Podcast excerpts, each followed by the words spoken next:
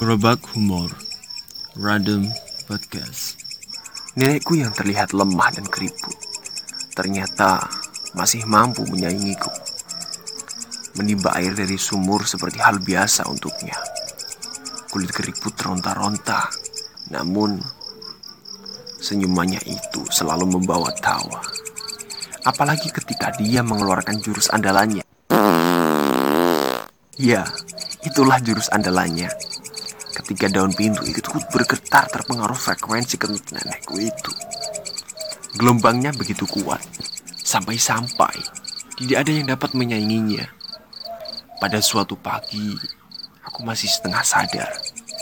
Aku seperti mencium bau khas nenekku itu. Aku mulai curiga akan ada sesuatu peristiwa yang terjadi. Dan benar saja, Suara kentut bergemuruh milik nenekku itu mengagetkanku. Bahkan mengalahkan suara alarm HP-ku. Aku bangun sambil menahan tawa. Dan semua itu kurindukan saat aku jauh dari nenekku. Tidak ada lagi bau khasnya. Tidak ada lagi kentut membahana dengan frekuensi luar biasa. Salam rinduku untuk nenekku tercinta.